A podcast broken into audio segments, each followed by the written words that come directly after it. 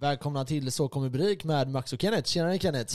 Tjena Max, hur är läget? Jo, det är bra, det är bra. Idag har vi eh, Totte Lövström, författare, Amen. skribent, VD för Kryptonyms. Och eh, ja, varmt välkommen till Totte. Tack så jättemycket. Och så får vi inte glömma att han är kryptoexpert också. Ja, det är väl kanske det jag rider på mest nu för tiden. Hur, eh, hur blir man det? Eh, egentligen, alltså så här, när det kommer till expert generellt. Jag, jag jobbade ju inom media förut på, på Nyheter 24 eh, och var debattchef där och då lärde jag mig ganska snabbt att den här experttiteln är snarare någonting som media vill ha för att man kan sätta bra rubriker på det. Eh, det är ganska få som liksom kallar sig själva experter, men samtidigt så jag, jag träffade och pratade med ganska många personer som var så här, nej men kalla mig inte expert och, och, det känns väl som att man går för långt åt andra hållet då. Om, om det blir tydligare så är det väl bättre. Men man får väl läsa på en massa helt enkelt. Men expert tycker jag väl ändå att eh, du kan kalla det. Jag menar, du har jobbat med det, hållit på med detta länge och eh, liksom driver ju Sveriges eh, största börs. Mm. Ja, enda till och med. Just det, enda till och med ja. ja. Men eh, hur vad var det som fick dig att bli intresserad av eh, bitcoin? Eh, egentligen så här lång historia kort så det var just att när jag jobbade på Nyheter 24 som debattchef för att redan den andra veckan när jag jobbade där så hörde en kille som heter Christian Ander av sig till mig och han är eh, grundare och idag också styrelseordförande för BTCX som är en sån en av de liksom ja kanske den äldsta kryptoväxlaren i Sverige. Eh, och han ville skriva en debattartikel om bitcoin och jag kände bara att så här, visst, jag har hört, hört begreppet tidigare, men jag kan liksom inte avgöra ifall det som står i den här texten är sant överhuvudtaget.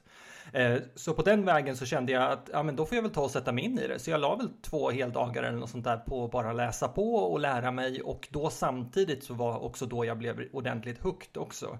Eh, just för att jag tyckte att det var väldigt intressant och framförallt så såg jag att det löste problem som jag hade haft länge, länge sedan när jag gick gymnasiet och, och programmerade lite grann. Liksom problemet att, att det, det, det, fram till bitcoin kom egentligen så har du inte kunnat förvara någonting digitalt utan att det är möjligt att kopiera. Men bitcoin löste det. Så det var liksom min, min ögonöppnare så. Så en fråga där. Eh, du har ju skrivit boken Så kan du bli rik på bitcoin. Så min fråga är då är, hur blir du rik på bitcoin? Ja, precis. Jag tänkte att det var det ni, ni syftade på. Och eh, Alltså så här, det finns ju jättemånga, det är ju som med allting annat. Jag menar herregud, om man vill bli rik så finns det ju vägar till det. Men så här, det övergripande tror jag är att se till att bli riktigt bra på, på det man gör. Eh, man, kan, man kan liksom starta ett företag som sysslar med kryptovalutor och säkert bli rik på den vägen. Jag har inte blivit det än i alla fall, men eh, någon gång kanske. Eh, eller så kan man liksom bli superbra på att sitta och trada eller så, ja, det finns massa vägar liksom till att, till att uh, tjäna massa pengar. Uh, men jag tror att nyckeln och det som jag också märker när jag pratar med folk är att folk har lite för bråttom och man har inte tid, ork och lust att sätta sig in i och läsa på ordentligt. Men, men jag tror att det är det man behöver göra om man, om man liksom, oavsett vad det gäller, även om det handlar om att liksom föda upp hästar. Lär dig allt du behöver veta. Ja, men både i aktiegrupper och, och kryptogrupper så ser jag jätteofta folk som, som köper in sig på någon form av topp och sen så går det ner och sen så studsar det på, på botten och sen så när, det, när man är break-even då säljer man av. Då tog du ju liksom hela risken utan att ens få ut någonting utav det. Eh, så vill man ju inte göra tusen gånger för då, då är ju bara chansen jättestor att du förlorar alla pengar. Det vi brukar förespråka på våran podd är till alla nya då att det är bättre att köpa in sig varje månad mm. oavsett pris. Dollar cost averaging, det är det Exakt. smarta. Dollar cost averaging, ja precis. Nej för det, här, vi har haft folk som har gissat podden som har varit traders gjort väldigt mycket pengar på att trada. Men det kräver väldigt mycket tid och energi för att kunna lyckas med det. Men eh, absolut, ni har väl en eh, tjänst om inte jag minns fel, eh, där man kan eh, ja, Precis, köpa det, automatiskt är, eh, via er va? Ja, den är inte så himla gammal heller. Vi har varit igång med den i ja, men typ en månad eller någonting. Autopilot heter det. Eh, och det är helt enkelt att du ställer på förhand in att ja, men varje, man kan ställa så lite som varje timme ifall man vill det också. Men, men till exempel så här varje timme eh, det här klockslaget så köper jag för en euro till exempel. Eh, eller om man hellre vill det så kan man ställa hela vägen upp till, till varje månad också. Eh, och jag tror att det så borde de flesta göra. Det, det, är det som är liksom nyckeln ifall man inte vill hålla på och sätta sig in jättemycket och läsa på en massa och liksom förstå.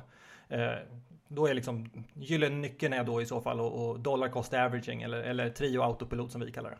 Ja, nej men precis. Alltså vi, vi, försöker, vi försöker att förespråka det så gott det går i den här podden. Vi säger ju det att trading är liksom Det är jävligt svårt, det är få som lyckas. Varför göra det när vi får 200% per år? Gratis av bitcoin liksom.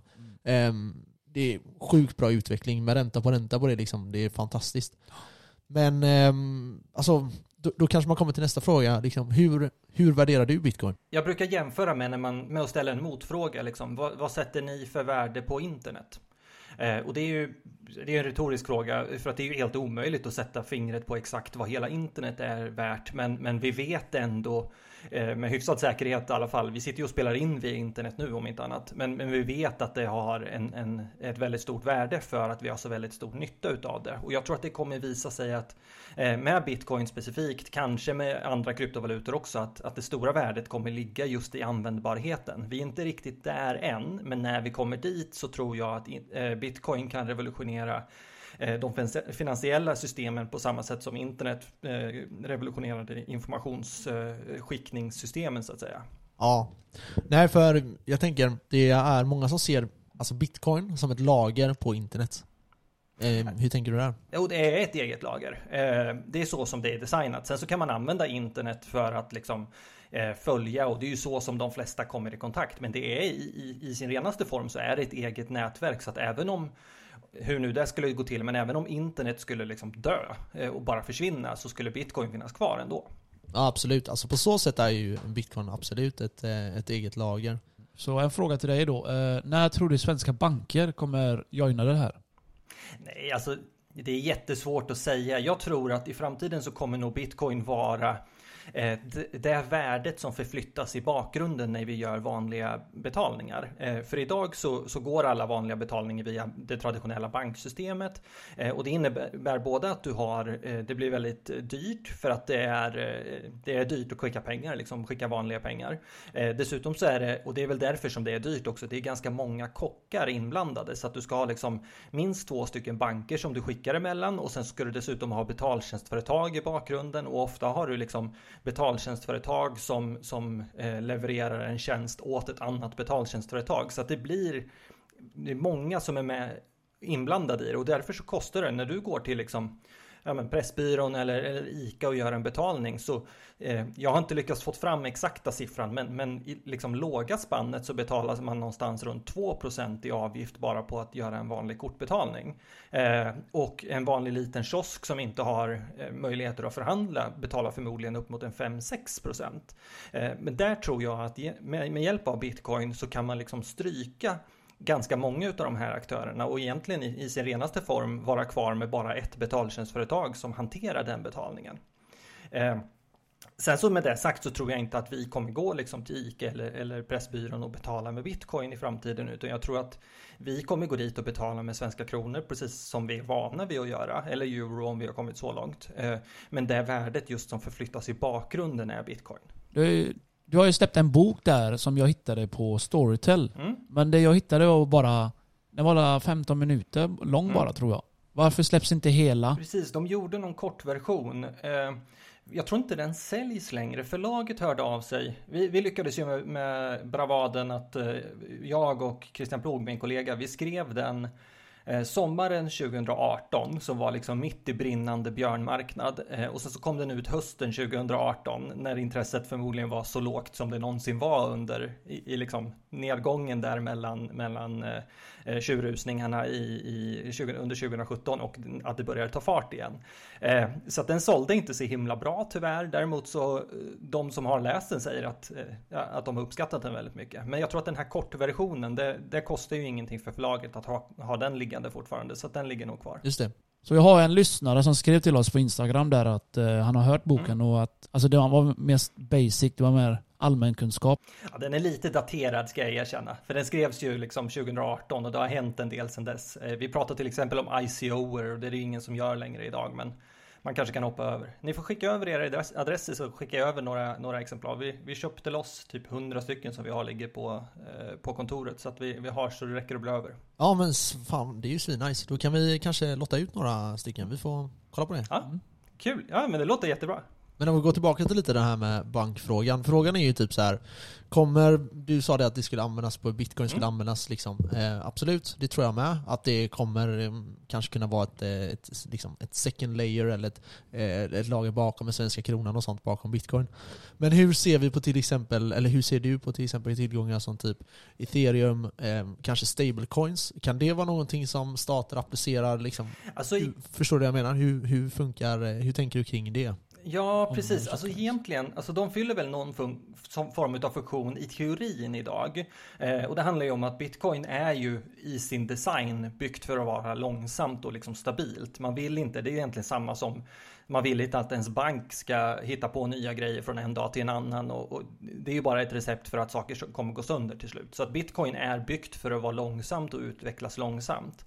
Eh, men när det gäller liksom andra mindre valutor eller kryptovalutor eh, så det jag har lite svårt att greppa är just eh, hur värdet, hur man egentligen ska säga att det har ett värde och hur man ska kunna lita på att det har ett värde när det är så pass centraliserat som många kryptovalutor är. Eh, jag är lite en förespråkare av att se bitcoin som, som liksom en, den enda chansen vi hade att sätta upp en, en fungerande blockkedja med proof of work och liksom för att vi var tvungna att göra det innan folk visste vad kryptovalutor var. För att så fort bitcoin hade liksom börjat ta fart och folk började höra talas om bitcoin, eh, då startas det en massa andra och då investerar folk. Liksom. Man köper för att man vill tjäna pengar och sådana grejer. Och bitcoin var ganska rent ifrån sånt precis i början där, utan folk hjälpte till för att man gillade grundidén och det kan man inte riktigt göra idag. Eh, och i bitcoins fall så det som är liksom grejen med en blockkedja i, i grunden är ju att du har massa olika kopior eh, av den kompletta transaktionshistoriken eller förenklat brukar jag säga att man har massa kopior utav var och en saldo liksom eh, utspritt på hundratusentals datorer runt om i världen. Och så det gäller för bitcoin. Men om du tittar på liksom en liten kryptovaluta som, ja, jag behöver inte ta något exempel, men, men någon liksom ganska nystartad mindre så har de oftast bara liksom en, kanske en, två kopior, tre kopior eller i bästa fall liksom fem kopior. Eh, och då har du ju inte den säkerheten för att ju fler kopior desto säkrare och desto mindre är risken att någon hackar det. Eh, för att det är svårare att hacka hundratusentals datorer än, än det är att hacka liksom två datorer och manipulera eh, innehållet i databasen. Eh, så att jag tror att bitcoin med tiden, i synnerhet med liksom lightning network som man pratar om, det här andra lagret som ligger utanpå. Eh, så att du inte behöver göra varje transaktion direkt på bitcoins blockkedja utan du kan göra det utanför blockkedjan. Jag tror att det kommer göra att, att liksom behovet utav eh, liksom små kryptovalutor, de, här, de som liksom marknadsför sig idag som att de har, så här, vi kan hantera så här många hundratusen transaktioner per sekund och så vidare. Jag tror att intresset för den typen av mindre coins kommer försvinna. Ja, nej men precis. För jag tänker, du har ju varit med om 2017 Mm. och eh, kommer ju säkert ihåg flera coins som liksom flög där. Mm. Hur ser det typ, eh, alltså andra coins, eh, hur de har någon typ av funktion kring krypto? Jag tänker typ så här ethereum, de har massa projekt som ligger bakom där. Du har andra projekt som försöker vara pengar och sådana här. Kan du, kan du säga att de har någon typ av funktion och att det kommer att kunna användas i framtiden? Nej, men jag, jag lutar ju åt att tänka att bitcoin är det enda som gäller och ju mer jag jobbar i branschen desto mer känner jag också att så här, ja, men det är ju bitcoin som är den verkliga revolutionen, inte, inte liksom krypto som, som koncept utan snarare bitcoin bara. Eh, men med det sagt också så tror jag att det kan finnas värden som vi kanske inte riktigt har sett än med liksom decentraliserade databaser, för det är ju där det i praktiken är en blockkedja och en kryptovaluta. Eh, men, men som vi inte liksom har, har sett användningsområdet för än. Eh, men jag tror också Eh, och det är därför som jag också inte är, jag, jag, jag tror att ethereum kommer kunna finnas kvar, eh, det ska nämnas. Eh, men, men mycket längre ner i listan över största så tror jag att det kan verkligen vara helt andra, helt nya som, som ligger i toppen eh, om liksom två, tre år bara. Eh, för det var det vi såg 2017, att det, det som alla snackade om då, eh, 98% utav dem är borta. Det är ingen som bryr sig idag. Nej, alltså det finns ju ett eh, uttryck när det kommer till eh, liksom bitcoins eh, värde och det är just det att det finns bara ett lager av värde. Precis som du var inne på tidigare där. Mm.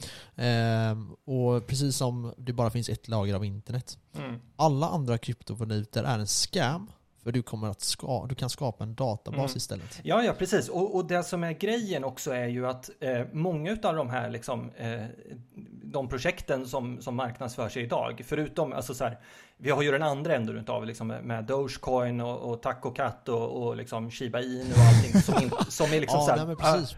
Ja, men de, de har ju liksom ingenting. De låtsas inte ens vara liksom framtidens finansiella system. De är bara så här, kom in och pump and dampa med oss. Så det är ju liksom en annan fråga. Eh, och många kommer ju förlora väldigt mycket pengar också tyvärr. Men, men man får försöka vara smartare än de andra som hoppar in i det i alla fall. Ja, nej men Elon Musk var ju liksom, han, han boostade ju upp eh, Dogecoin och höll på. Vi avgudade han. Ja, precis.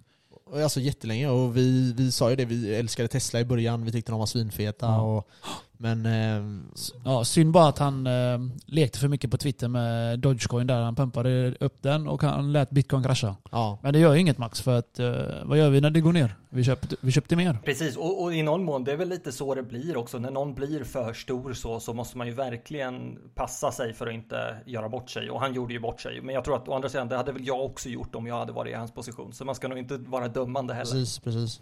Ja, nej men för jag tänker typ så här att i början när vi, när vi började investera i krypto, och även om man kollar ännu längre bak så är det ju så att eh, speciellt typ 2018-19 där, då var det det att alla skrattade åt den. Och det var ju bara först de här tech-snubbarna som köpte, de som var väldigt intresserade av tech, alltså om vi går ännu längre tillbaka. Och nu eh, är vi ju på väg, eller sen blev det ett läge där liksom investerarna börjar komma och förstå liksom, det kanske finns ett värde här, vi, vi kan lägga in lite pengar. Men i slutet av, om man kollar eh, ja, i tre, fyra månader inne här i början av året, så var det ju det att det var inget annat än gamblen. Alltså Nej. folk gick in och bara spelade på Dogecoin, eh, köpte shitcoins utan att egentligen veta vad det är. Shiba Inu. Ja, exakt. Och då när det går ner, då blir de rädda och sticker. Så de har inget fundamentalt liksom Mm. Bakom det. Förstår du, förstår du hur jag menar eller? Ja, men det är ju lite som, alltså så om man jämför med internet, de flesta vet ju inte hur HTTP HTTP-protokollet fungerar och jag tror väl inte att de flesta borde veta hur det funkar, för att det enda man vill är ju att, att internet ska funka liksom. Eh, och jag tror att vi måste komma till den punkten. Jag tror inte att det är liksom de här vanliga småspararna som, som är liksom har riskaptit till skyarna, att det, och liksom sitter och köper Shiba Inu nu. Jag tror inte att det är de som kommer vara liksom framtiden eller de som gör krypto till en grej eh, så, utan jag tror snarare att det kommer vara seriösa företag som bygger i bakgrunden och, och liksom sjösätter saker och rätt vad det är så bara fungerar det. Eh, det var ju lite så med internet också att det, det försöktes ju startas eh, liksom alternativ till internet, privata alternativ där det var företag som kontrollerade och sådär men men hela grejen med internet är ju att det inte är kontrollerat av någon utan att det är liksom mer eller mindre fritt. Ja, och alltså decentraliseringen är ju jätteviktig, så är det ju. Mm. Men jag tänker typ att om vi tar typ ethereum och du har NFTs där och det, det liksom skapar ett väg, eller Facebooks Libra till exempel. Där har du det att det finns ett, ett, eh, ett användningsområde där de som använder det ökar värdet på hela eh, liksom, coinet. Och då blir det ju det att värdet i eh, projektet ökar och därmed ökar värdet på din token. Vilket gör typ att alltså, Mm. det är som att investera på börsen lite, fast ändå inte liksom. På ett mer decentraliserat sätt. Förstår du hur jag menar där? Mm. Ja, precis, men också mindre säkerhet och trygghet kring det. För att även om du köper, Eh, det var ju det som var ICO-boomen 2017, att alla trodde liksom att, den, att köpa en token var motsvarande som att du köpte in dig och blev delägare i företaget. Eh, men jag menar, företaget har ju redan eh, rent liksom legalt och juridiskt så har ju de ett, eh, ett visst gäng personer som är ägare utav det och sen så har de tryckt upp en, en egen coin.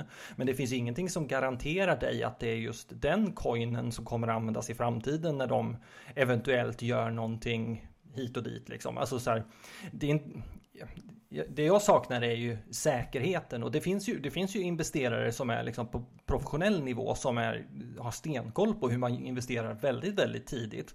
Eh, men de är också medvetna om att liksom 95-99 procent av alla projekt misslyckas. Eh, så därför så tar man hänsyn till det om man har liksom en bra riskspridning i portföljen och man, man går max in med si och så mycket andel av portföljen i ett enskilt projekt och så vidare. Och det har ju liksom inte de de gemene småsparare utan de sitter ju och liksom trycker all in på, på någonting som eh, förmodligen med största sannolikhet kommer vara dött om två år. Eh, och det, det är väl lite det jag motsätter mig. Och sen så, det är väl möjligt, men, men att man skulle kunna ha liksom eh, en token som motsvarar en aktie och, och sådär. Och jag vet att det har kollats på. Problemet är att det inte går riktigt juridiskt idag för att då blir det en security token och då, då måste du egentligen vara Nasdaq för att du ska liksom folk ska tillåtas handla i den. Eh, så att man vill ha att det är någonting som är utanför så att det inte räknas som en aktie just.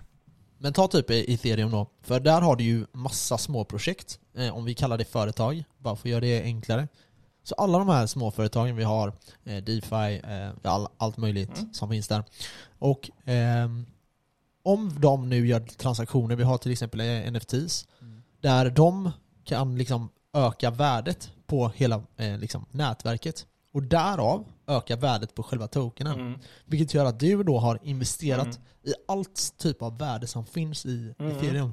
Förstår så... du hur jag tänker? Alltså jag menar inte att det är så, jag bara Liksom, ja. Jag förstår hur du menar, men samma resonemang kan man ju ha då om till exempel OneCoin som var ett renodlat ponzi-bedrägeri. Att så här, de, för det var ju det, egentligen, jag hörde samma argument ifrån dem, nämligen att, att, när man pratade med folk som var inne i det innan det kraschade liksom, så var de så men vi skapar någonting tillsammans och, och det här kommer bli liksom ett betalmedel och så vidare. Eh, men det funkar ju bara om de som sitter och styr allting i toppen verkligen ser till att göra det så bra. Och hur vet man det?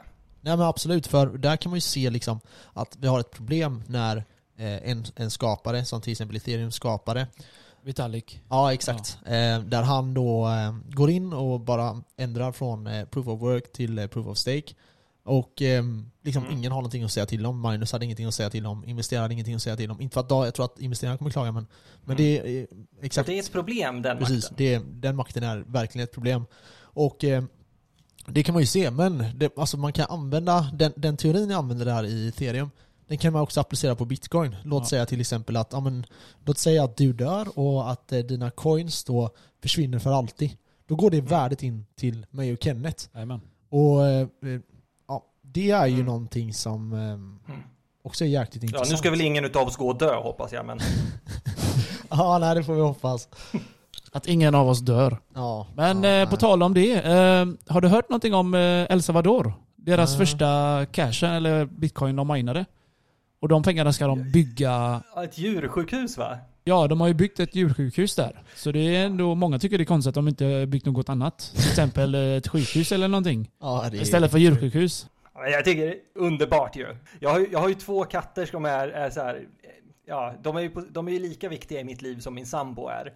Eh, så att jag, jag bara backar djursjukhus 100%. Eh, jag hörde någon, någon så kritik. Så varför bygger de inte ett sjukhus för människor då? whatever. Nej men man, man hör ju ganska mycket om dem, i synnerhet liksom eh, central och sydamerikanska länderna. Eh, och jag tror, alltså jag kan rekommendera, det finns en Wikipedia-artikel, eh, tror att den är på engelska men det kanske finns på svenska också, som är där de bara listar alla tillfällen där USA har varit inne och liksom lagt sig i eh, deras politik. Eh, och, och, liksom så här, och, och, mer eller mindre liksom så här tvingat in de länderna i att ha dollarn som sin valuta. Eh, så jag förstår dem. Jag förstår att de bryter sig loss. Det är jätte, eh, alltså makt är, om du har liksom kontroll över ett lands pengar så har du ju kontroll över det här landet indirekt. Så att jag förstår verkligen genuint att de vill bryta sig loss ifrån det och då är ju bitcoin ett, ett, bra alternativ. Ja, det är nog bara för att USA ändå vill behålla makten över att eh, de kör med sin dollar och nu när El Salvador har gått över till bitcoin och kanske Venezuela och kanske Brasilien så är, mm. strider mot deras makt alltså. Det tror jag.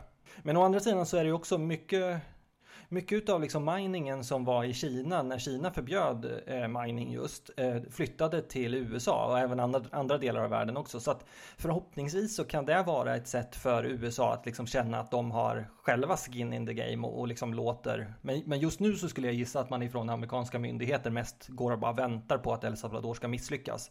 Eh, vilket jag inte tror att de kommer göra för att hur skulle det misslyckas liksom? Det är så här, du kan ju inte få hyperinflation. Det, det är ju liksom, går ju rakt emot hur bitcoin är designat. Ja, absolut. Alltså, det är det ju. Men jag tänker, eh, om man ska vara lite så här motsägelsefull, så är det ju det att det finns ju fördelar med att ha inflation. Alltså vi har 2% inflation som vi försöker ha. Vi har haft liksom mm. betydligt mer, 15% eh, etc.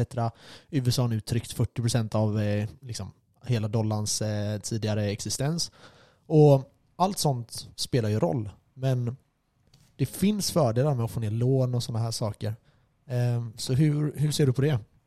Nej men precis. Eh, ja, alltså så här, jag, jag har ju min, min grund, jag har alltid varit väldigt liksom politiskt intresserad och det var därför jag jobbade med debatt tidigare också och innan det så utbildade jag mig till retoriker och, och liksom ja, men, eh, utbildade politiker och sådana saker. Ehm, och jag, jag förstår verkligen varför inflation är ett bra verktyg. För att du kan använda det för att stimulera ekonomin. Det är det som är, är liksom, det är därför man vill ha liksom en, en, en liten kontrollerad inflation. För att eh, om dina pengar minskar i värde hela tiden så finns det ett incitament för dig att använda de pengarna. Eh, för att du måste liksom, pengarna måste vara i rullning. Om alla bara satt och sparade på sina pengar så skulle du få liksom någon form av deflation i, i systemet istället. Eh, plus att inflation är också ett sätt för staten att liksom ta in skatt. Man kan trycka upp nya pengar till exempel under coronapandemin nu. Eh, sen att man då för den sakens skull behöver liksom skriva eller säga åt alla medborgare att så här, nu det, höjer vi skatten. Så det är ett liksom lite mer diskret sätt att minska värdet på alla pengar som finns och ändå ha peng, pengar att liksom spendera. Eh, problemet är att vi, vi har ju inte så mycket val.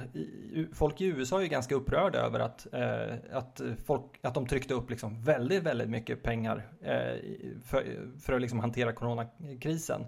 Eh, och frågan är om det var rätt. Och det är ju där, det, där kommer ju liksom den mänskliga faktorn in. Var det rätt att göra så? Och det, det, kan man inte veta och när det är gjort så är det gjort. Ja, eh, börsen har ju gått bra. Mm. Tack vare att USA har tryckt ut massa pengar. Mm. Och hjälpt människor. Och stimulerat ekonomin. Mm. Så nu har jag hört också även att de ska sluta med det här. Så frågan är, vad kommer hända nu? Ja, Alltså så här, till att börja med så eh, frågan man bör ställa sig är ju eh, har börsen gått fint eller är det, är det vanliga pengar som har tappat i värde?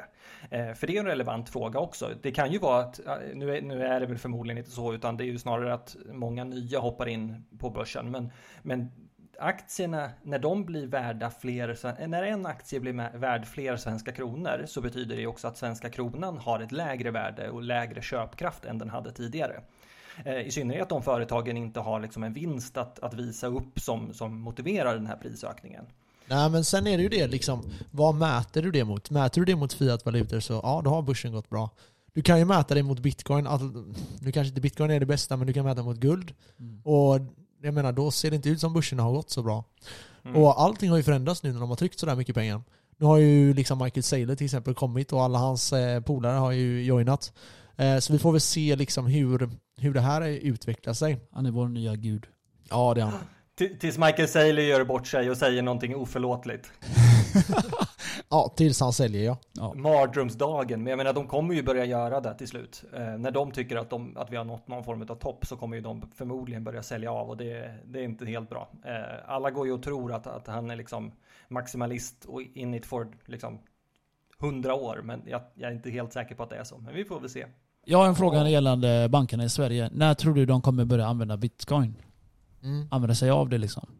Jag tror att det kan gå både snabbare och långsammare än, än vad man tror. Liksom. Jag tror att Sverige, är, vi har liksom skjutit oss själva lite i foten för att vi var så tidiga in på internet. Så att det finns både ifrån politiskt håll och ifrån näringslivets håll så finns det en bild av att så här, nej, men vi är ju så framstående när det kommer till, till ny teknik. Eh, så att om, om Sverige inte bryr sig om någonting då är det inte värt att bry sig om. Eh, liksom ett sånt resonemang. Eh, samtidigt så rätt vad det är så kommer ju bankerna förhålla sig till det. Och, och bankerna kommer säkert vara före eh, politiken är.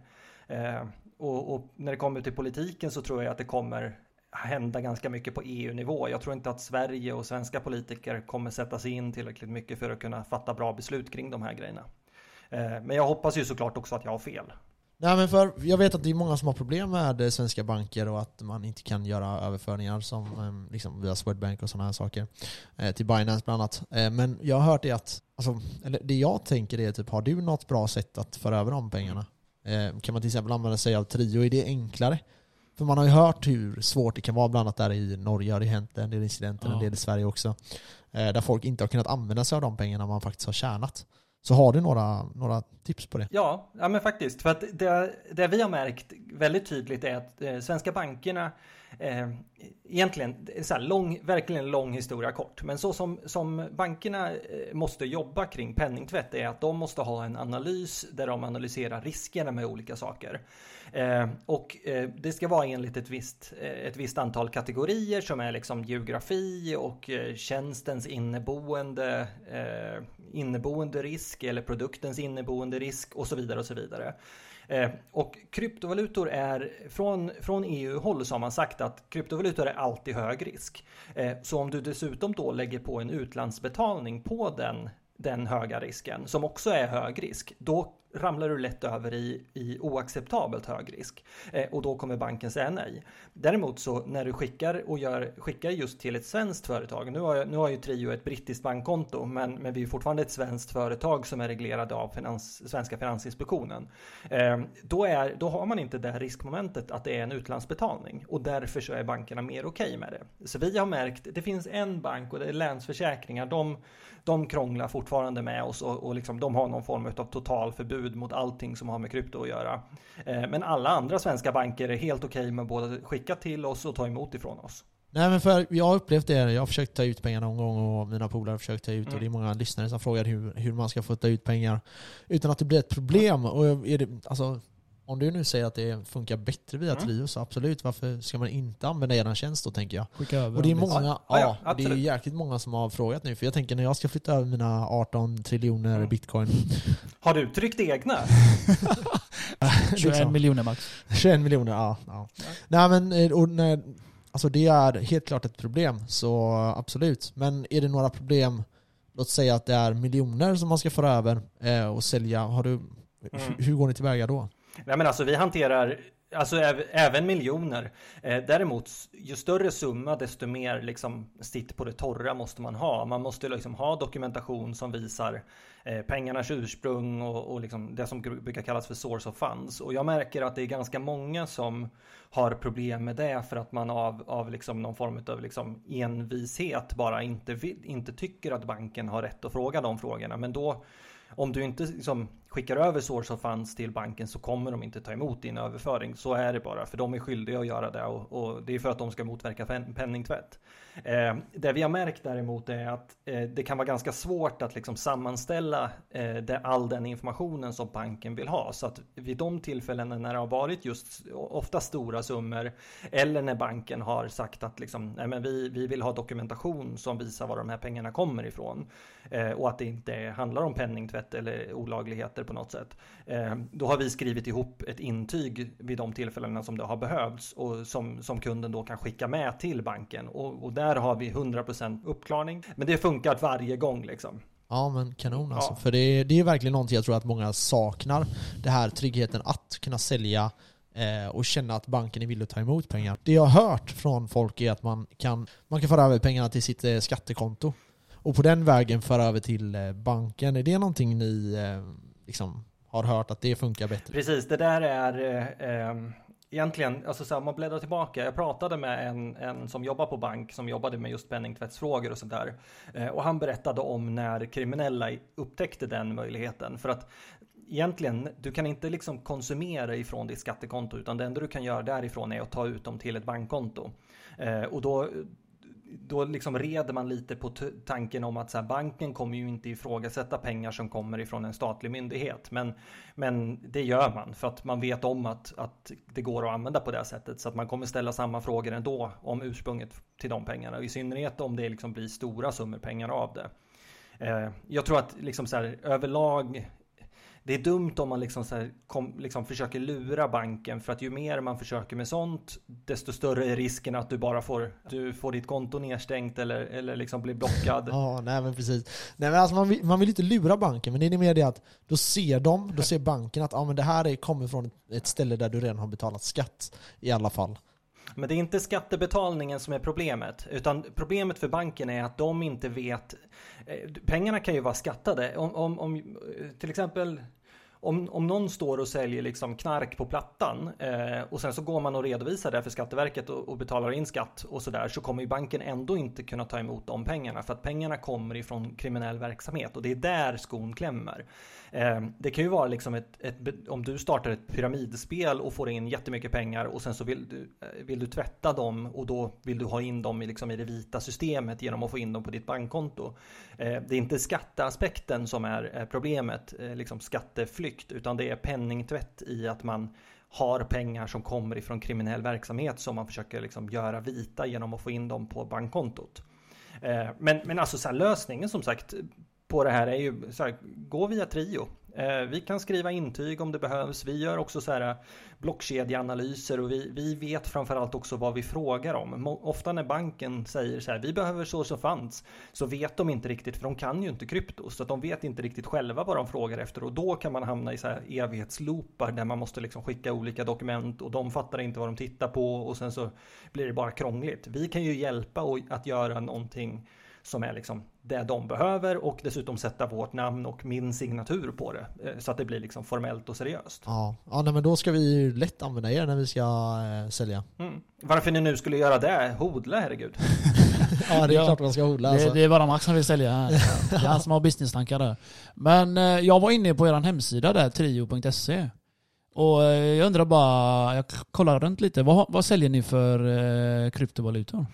Bitcoin, Litecoin och ethereum. Så ja, ni har bitcoin, ethereum och litecoin. Varför har ni bara de tre? Vi, vi har så här haft evighetslånga diskussioner, i synnerhet nu i somras.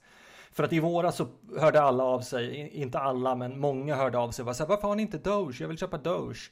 Eh, och då hade vi jättemycket diskussioner kring det och, och, samtidigt så här, vi, vi har ganska hög andel nybörjare som inte har så mycket tidigare erfarenhet av varken investeringar eller krypto. Eh, och jag är livrädd för att vi hamnar i en situation där vi liksom sätter vår kvalitetsstämpel på någonting som, som egentligen i grund och botten är skräp.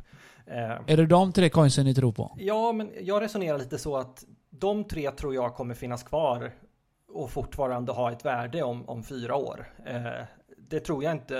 Eh, nej, men och sen så, sen så är det också så här. Det är ju ingen som frågar om Doge idag, eh, så att vi hade ju rätt som inte noterade Doge. Eh, mardrömmen är ju å andra sidan ifall vi skulle notera någonting som, som är liksom tekniska problem med och sådana grejer. Och många små coins är inte så himla stabila som de gärna vill verka vara.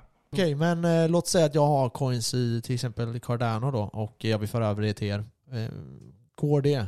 Eller måste jag liksom, hur, hur löser jag Nej, vi, vi kanske kommer göra det eh, längre fram. Vi håller på att kolla på möjligheten att ha liksom en, en OTC-handel.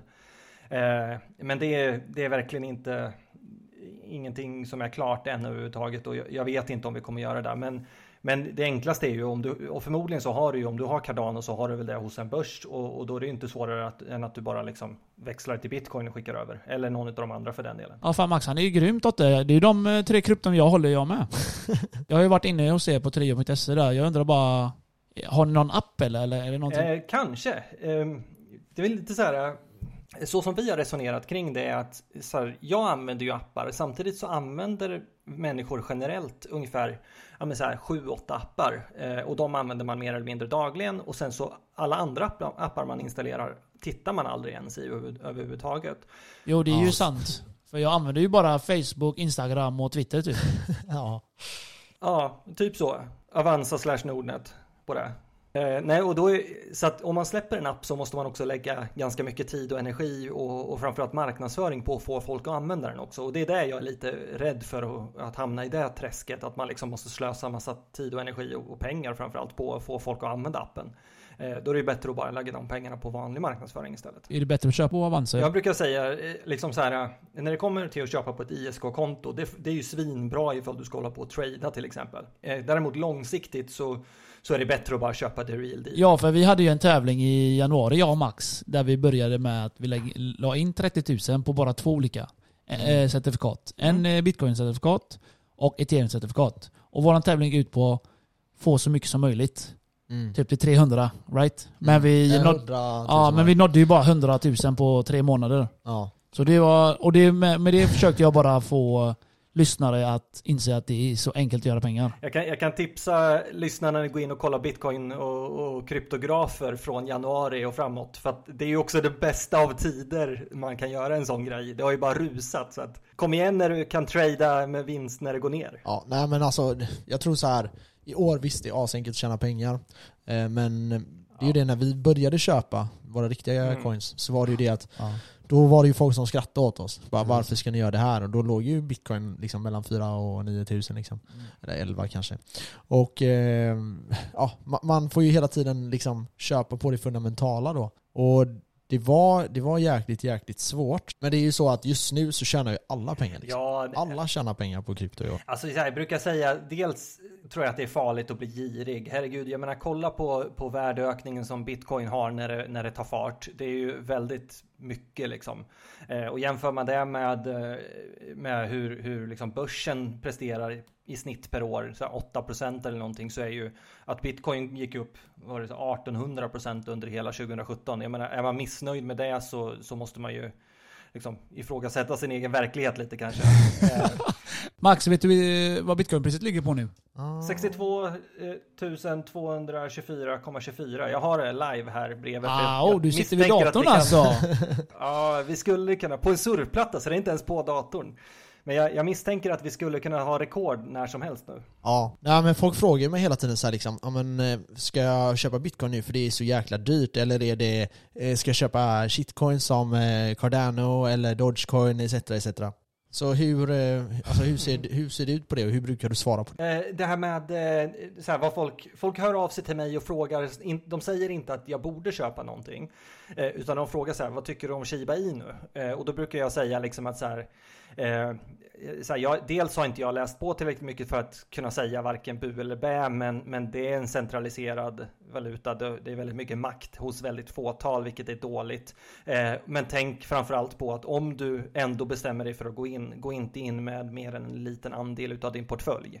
Eh, så att du in, liksom, man, man avråder folk från att göra den här all in grejen som alla håller på med. Eh, för det tror jag är den största faran. Jag läste någonstans där Totte att eh, du hade någon eh, liten gissning på vad bitcoin kan gå. Vad, vad är din gissning Ja. förresten? Ja, 190 till 240 så det är ett ganska brett spann. Men eh, det var egentligen, jag gjorde, eh, jag tror att det var 2019 så satte jag mig och det finns en krönika på Trio News också som, som publicerades där som är med hur jag räknade ut det. För jag räknade ut baserat på tidigare rusningar som har varit. Eh, och också eh, räknade in liksom den procentuella minskningen som är i varje rusning. Eh, och baserat på det så, så kommer toppen den här gången eh, vara någonstans runt ja, men 190 till 240. Eh, sen så återstår ju det att se och, och det var ju mest en liksom kul lek, liksom en, en liten övning för att se om man... Så här, det finns ju ingen, ingen stabilitet eller liksom säkerhet i en sån grej. Lika lite som Stock to Flow eller, eller Erik Walls Rain, Rainbow Chart som han gjorde som ett skämt men som folk tror är allvarlig. Ja, Max, vad tror du? Totte tror ju på cirka 190-240 där någonstans. Och jag vet att du tror på det dubbla. Alltså det jag har sagt är ju att jag tror att jag kommer sälja vid 200 000 eh, och eh, jag tror att det kommer ligga någonstans mellan kanske 150 och eh, 400 000. Eh, och det är alltså det det kan gå mycket, mycket, mycket högre än vad vi tror och liksom, det kan gå till 150 000, det kan gå till eh, 200 000 men eh, ja, Aha. vad, men vad tror du då Kenneth? Jag tror minst 100 000 bara. Ja. Men, men nu, säger, nu säger ni bara siffror. Varför tror ni just de siffrorna? Nej men alltså, alltså anledningen till att jag tror det, det är baserat på flera grejer. Men bland annat har du ju då, du har ju såklart stock to flow.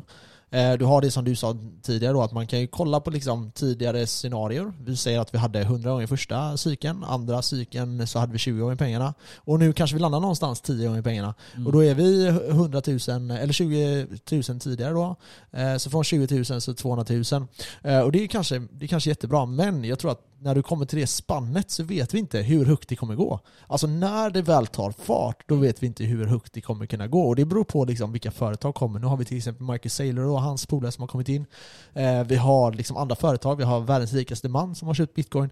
Vem vet? Nu kommer NFTs, eller ETFer, eh, futures. Eh, och vad kommer det ha för in- påverkan? Det kan göra att det kan komma in väldigt mycket folk lite, lite senare. Nu tror inte jag det här är kanske i år, men någonstans mellan 150 och 400 000. För mig är det att jag kommer sälja på 200 000, för då ser jag att liksom risken är för hög. För att jag ska kunna dubbla mina pengar då, vi säger från 200 000 till 400 000, eh, där värderingen kanske egentligen är 100 000. Men tack vare att marknaden över liksom, reagerar och det kommer in folk som bara är där för att göra en snabb affär. Så tänker jag att risken är alldeles för hög. Även fast den går till 400 000 så jag, jag är nöjd med att ta ut på 200 000. Alltså det är klart man är det, men liksom det, det är så jag ser på det. Bra svar.